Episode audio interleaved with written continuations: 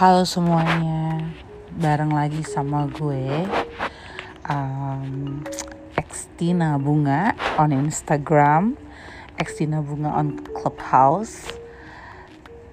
Sebenarnya gue punya sosial media tuh dulu banyak ya, ada Twitter, ada ada YouTube. Tapi uh, akhirnya gue meminimize sosial media gue uh, hanya menggunakan Instagram sama Clubhouse saja karena menurut gue uh, itu adalah sosial media platform yang menurutku lebih apa ya lebih mature enough lah gitu. Sama LinkedIn gue ada LinkedIn juga. Suasana di luar tuh lagi hujan deras banget. Di Jakarta semua orang lagi kebanjiran. Gue juga lagi sama orang yang menurut gue itu lagi berjuang untuk menemukan kebahagiaan spirituality-nya. Uh, kita itu aja dulu yuk uh, apa namanya sambut dulu. Halo Farika. Halo semua. Are you fine today? Ya, um, I'm fine, but um, sedih banget sekarang lagi banjir di mana-mana tempat nongkrong kesukaan gue Kemang City juga banjir Iya, Kemang tuh salah satu uh, tempat yang paling gue suka sih. Karena jujur Kemang itu dari gue SMA itu memang udah hits ya. Jadi semua anak Jaksel yang literally literally which is itu pada pasti ke sana. Dan entah kenapa tuh akhir-akhir ini tuh gue ngerasa uh, apa ya? Ngerasa tuh bencana di negara kita tuh lagi bertubi-tubi banget dan nggak Indonesia aja gitu semuanya gitu dari yang kemarin ada COVID-19 terus pandemi semua orang udah stres uh, untuk keep surviving aja tuh udah hebat gitu loh terus sekarang tambah lagi uh, ada yang gempa tambah longsor banjir gue apa ya gue hanya berharap kita semua tuh bisa keep surviving di sini gitu. Anyway, ini kontennya tuh konten horror by the way, tapi lagi mengarah ke bencana-bencana. Cuman be begini sih, sebenarnya uh, makhluk spiritual itu kadang-kadang memang kan mereka juga punya dunia sendiri kan. Jadi kadang-kadang di saat saat bencana ini kalian suka mikir nggak mereka lagi ngapain? kalau dibilang kayak uh, anak indigo dan lain-lain segala macem mungkin banyak orang yang udah skeptik ya kayak Allah tuh kurang bacot nggak mungkin lah ini itu ini itu gitu gue sendiri tuh sebenarnya kalau mau dibilang anak indigo gue tidak pernah menyebut nama gue anak indigo karena gue kayak tidak mau melihat itu gitu. Walaupun gue bisa melihat sebenarnya tapi gue nggak mau lihat. Karena menurut gue energi uh, roh halus itu memang apa ya menghabiskan energi di dalam diri gue sendiri. Karena uh, kadang kan gini loh kalau misalkan lo sudah bermeditasi terutama anak meditasi pasti tahu lah kalau uh, kita tuh meditasi untuk mendapatkan suatu positivity energi gitu. Memain mem, uh, terus mengendalikan beberapa cakra dalam dalam tubuh kita. Bayangin gak sih kalau lu tiba-tiba ketemu satu energi yang negatif dan itu bentuknya tuh kasat mata gitu. Kalau misalkan lu ketemu sama orang yang manusia gitu uh, dia negatif ya lu bisa langsung kayak eh bro gue pergi dulu bro gitu. Tapi kalau ini tidak terlihat gimana cara lu untuk pergi dari situ gitu? Kalau gue sih prefer berdoa ya. Gue yakin banget. Ya memang kita harus percaya sama yang uh, tidak terlihat itu. Dan tapi ya ya gimana ya kita kan harus hidup berdampingan sama mereka. Mereka dari mana-mana kita juga dari mana-mana. Tapi menurut gue uh, you just need pray to God aja lah.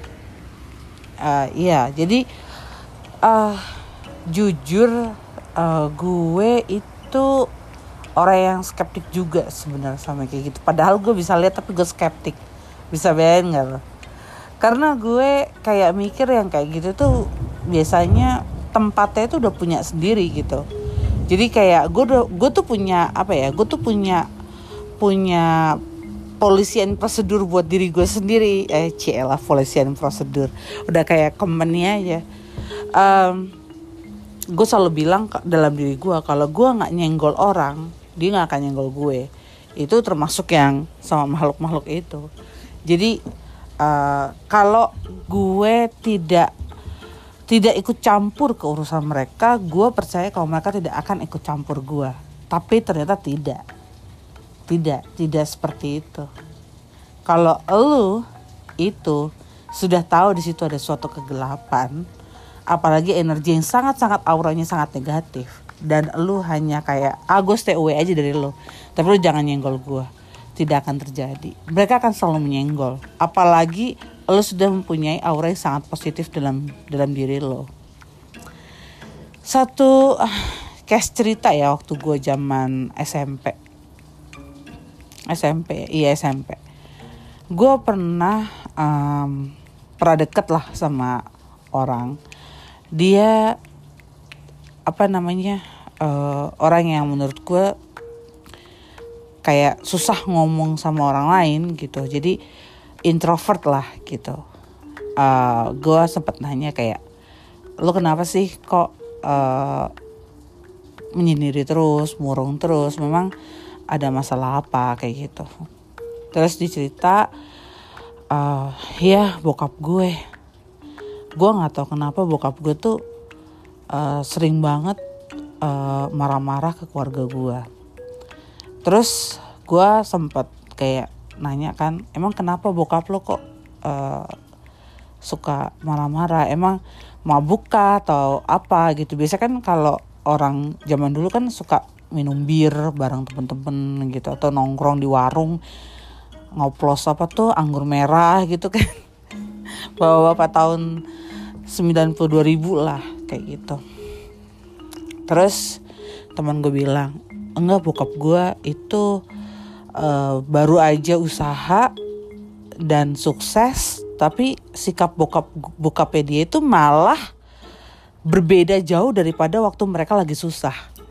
Jadi waktu mereka lagi susah itu bapaknya itu sering banget pulang ke rumah, sering makan bareng anaknya, kayak nice date gitu loh, kayak bener-bener kayak um, ayah yang sangat baik gitu. Terus tiba-tiba bok mungkin uh, bokapnya terus uh, punya ide untuk bikin usaha uh, gak lama usahanya itu maju gitu usaha apa ya material kalau nggak salah waktu itu dia. Maju banget usaha material itu. Tapi gue ngeliat temen gue itu tiba-tiba pindah kan dari uh, daerah gue. Terus dia kayak apa namanya kayak pindah ke daerah yang lebih elit lagi. Daerah rumah yang bagus-bagus gitu zaman dulu tapi temen gue tuh setiap kali datang ke rumah gue main gitu gue ngeliat dia tuh tam lebih kusem lebih kusut dan gak enak banget gitu. Ya dia cerita kalau bokapnya berubah akhirnya gue kayak ya mungkin gue pengen ke rumahnya dia gitu yang baru gue pengen lihat nggak tau ya waktu gue masih bocah tuh kayak gue pengen ah masa sih bokap lu berubah? Coba deh nanti gue ke rumah lu gitu kan. Kayak gitulah zaman dulu gue tuh kecil. Ya pengen ikut campur aja lo. Iya jadi gue waktu kecil tuh memang suka kayak gitu suka main-main ke rumah temen-temen gue nggak jelas gitu lah pokoknya. Berani banget naik angkot sendiri gila sampai pasar minggu.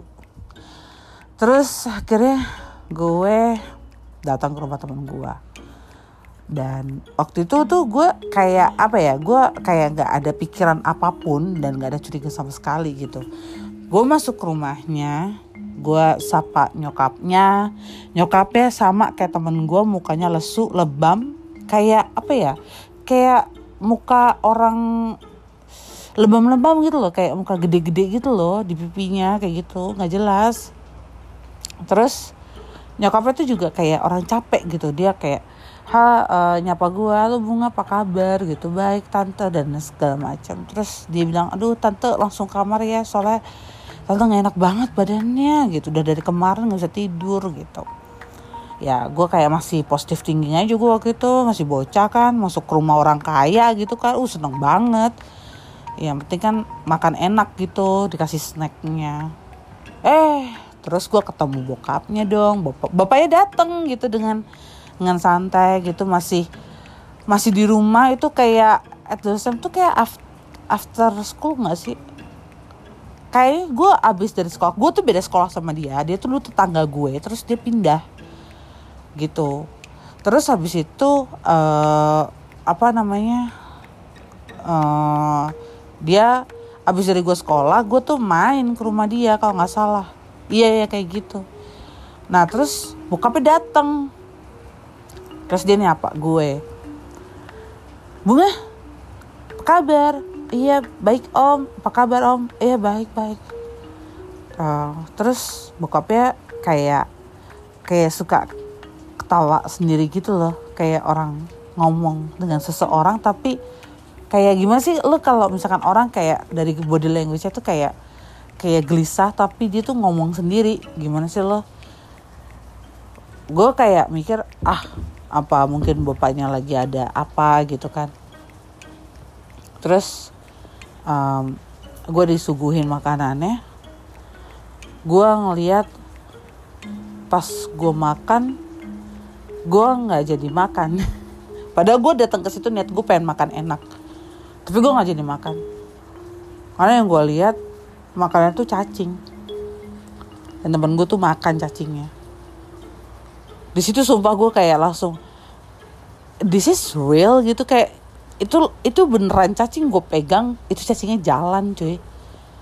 Temen gue makan itu cacing. Gue sampai kayak oh my god. Gue kayak oke okay, gue pengen pulang. Tahu ya pikiran anak bocah SD kelas 6 waktu itu kan kayak gampang aja lempeng gitu. Ini apaan? Iko aneh? Itu langsung pengen pulang gitu kan. Terus gue tanya temen gue lu nggak apa-apa makan itu? Terus temen gue nanya gue balik nggak apa-apa kok emang lu kenapa? Ya lu makan aja kali bung gitu. Kok lu datang ke sini kan pengen makan kata lu gitu. Ya tapi kan nggak makan ini juga gitu. Gue gue dengan polosnya gue nyebut itu cacing itu tuh cacing gitu. Terus temen gue tuh kayak langsung apaan sih lo? Ini spaghetti bukan cacing. Gak percaya lo sama gue demi apa pun. Itu gue pegang cacingnya dan lo tahu gue bawa tuh cacing ke tas gue. Gue bawa tuh cacing karena gue kayak mikir apa ini spaghetti nanti berubah gitu atau gimana? Gue nggak tahu. Ya udah akhirnya gue uh, gue merasa something wrong dengan ini situasi gue waktu itu sampai ngomong sama teman gue kayak eh gue balik ya soalnya gue ada PR gue bilang gitu. Karena gue mikir kayaknya memang gue tidak cocok gitu di situ. Karena situasi itu kayak awkward banget. Tapi gue kebelet pipis. Jadi gue mau pulang udah siap pengen kabur sebenarnya cabut gitu. Gue kebelet pipis. Gue takut kan sudah gue pengen pipis tapi gue takut. Rumah itu gede banget cuy. Kayak kayak rumah lala zaman dulu. Gede banget. Terus akhirnya gue masuk ke kamar mandi gue izinkan gue mau ke wc gue masuk ke wc sempet sempetnya gue ngaca. Lu tahu nggak apa yang gue lihat di kaca? Tuyul. Gue nggak tahu tuh tuyul tau itu beneran itu yang dikatakan orang-orang tuyul atau bukan. Cuman itu bocah serem banget. Berdiri di belakang gue pas gue lagi ngaca nyengir lagi. Gue tuh di situ kayak kayak pengen teriak tapi gue takut gue malu tapi gue takut. Akhirnya gue di situ kayak gue langsung buka pintu kamar mandi gue ngibrit tapi gue masih sok cool tapi muka gue tegang. Karena temen gue sempet tanya eh lu kenapa ah enggak nggak apa-apa gitu. Gitu aja gue. Gue gue sempet mau pamit kan. Jadi gue pamit sama nyokap bokapnya temen gue. Pas gue masuk kan bokap nyokapnya kan mau ke keluar kan. Tapi uh, nyokapnya lagi sakit. Akhirnya gue kayak masuk sedikit gitu ke dalam kamar nyokapnya karena gue pengen pamit aja tante uh, aku mau pamit gitu gue kaget banget cuy. Karena yang gue lihat itu satu yang kayak gue nggak pernah kejadian seumur hidup gue selama ini. Gue gue ngelihat ada orang gede banget cowok. Gue nggak tahu tuh bentuknya kayak gimana gue nggak mau lihat jelas soalnya. Jadi kayak orangnya itu tuh lagi gimana gue mau ngomongnya ya. Lagi ibaratnya lagi lagi disuapinin sama orang tua teman gue. Gue nggak tahu disuapinin apa. Cuman kayak sesuatu yang menurut gue tuh merinding gitu. Bulu kuduk gue merinding. Dan nyokapnya teman gue. Oh itu dia disuapin sama bokapnya teman gue. Nyokapnya teman gue itu ya inget gue tuh lagi rebahan. Terus ada yang nenen. Itu demi allah. Gue gue lihat dengan mata kepala gue sendiri. Gue kayak di situ kayak udah gue gak bisa gue gak bisa. Gue cuman om tante saya pulang. Bekasi gitu. Terus teman gue telepon gue malamnya dia nanya gue eh kalau kenapa sih kok dari rumah gue aneh? Gue cuma bilang lo mendingan nanti kalau SMP cari di Jogja aja gue bilang gitu. Kenapa? Biar asrama gue bilang gitu. Soalnya jujur gue ngerasa rumahnya tuh gak bener gitu. Dan temen gue tuh kayak auranya tuh belum negatif banget. Gue kasihan gitu dengar-dengar sih terakhir kali mereka pindah sih ke gue nggak tahu ke daerah mana. Cuman temen gue sempet kayak ngasih kayak dulu zaman dulu kan uh, hype banget ya kayak buku diary buku apa bukan buku diary apa buku filing itu loh yang file file oh kertas file ya. Iya kertas file dia ngasih gue kertas file buat kenang-kenangan gitu sebelum dia pindah. Tapi gue nggak mau ketemu. Gue cuma bilang uh, pas di telepon gue cuma bilang ah gue nggak bisa sakit gue bilang gitu. Gue nggak mau ada acara perpisahan di rumahnya tapi gue di gue diundang tapi gue nggak mau datang. Gue karena gimana ya? Gue masih kecil banget gitu itu masih SD gue. Dan gue melihat sesuatu yang menurut gue tuh harusnya nggak usah gue lihat. Um, itu sih itu sih kejadian yang menurut gue terparah di sepanjang hidup gue waktu gue kecil. Gue jarang banget loh cerita ini. Soalnya tabu aja buat gue untuk cerita hal apalagi kalau misalnya gue cerita ke orang tua gue gitu.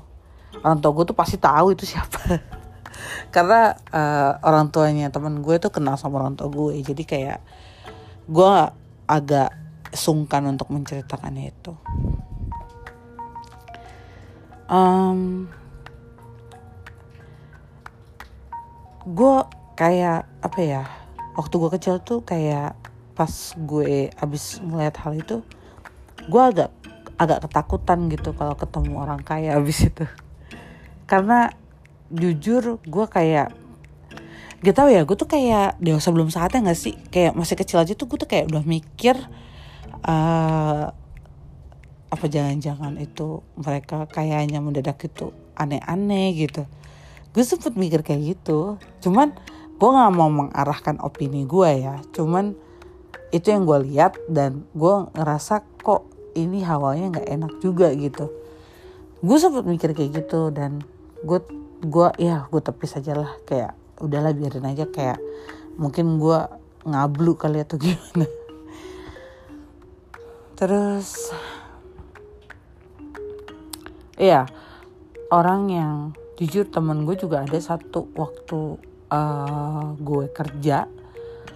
Um, pernah gue kenal sama orang dia salah satu uh, pokoknya teman kerja gue tapi bukan di kantor relasi lah.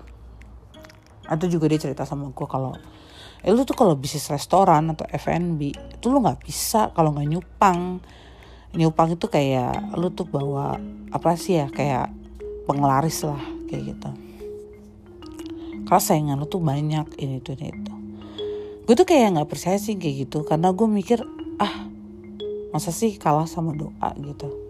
Ya kayak kata Farika bilang gitu doa is everything jadi gue tuh kadang suka mikir ah masa sih perlu namanya nyupang gitu.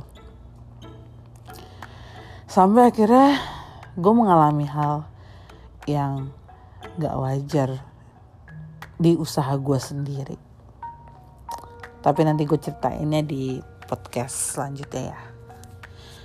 Anyway um, makasih ya yang udah pada dengar podcast gue uh, maaf ya kalau misalkan mungkin bagi kalian yang skeptik kayak ah ngada-ngada lu ngada-ngada gitu. Gue gua nggak menyuruh lu untuk percaya sama gue kok. Karena kalian yang nggak percaya itu harus ngalamin apa yang gue alamin setelah setelah gue melakukan usaha. Gue bener-bener terbuka matanya banget. Karena selama ini tuh gue kayak mikir uh, hal-hal uh, yang kayak gitu tuh nggak mungkin juga gitu. Gue sama skeptiknya kok sama kalian walaupun gue udah melihat hal kayak waktu SD gue kayak gitu.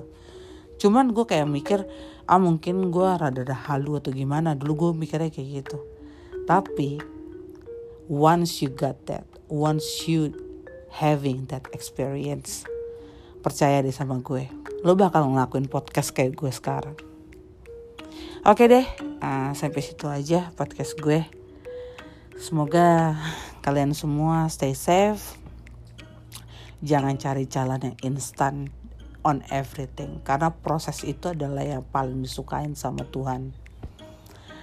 Um, terus apa ya? Oh ya um, jangan lupa nanti uh, bakal ada podcast podcast gue selanjutnya. Semoga kalian berkenan untuk tetap mendengarkannya oke okay, bye bye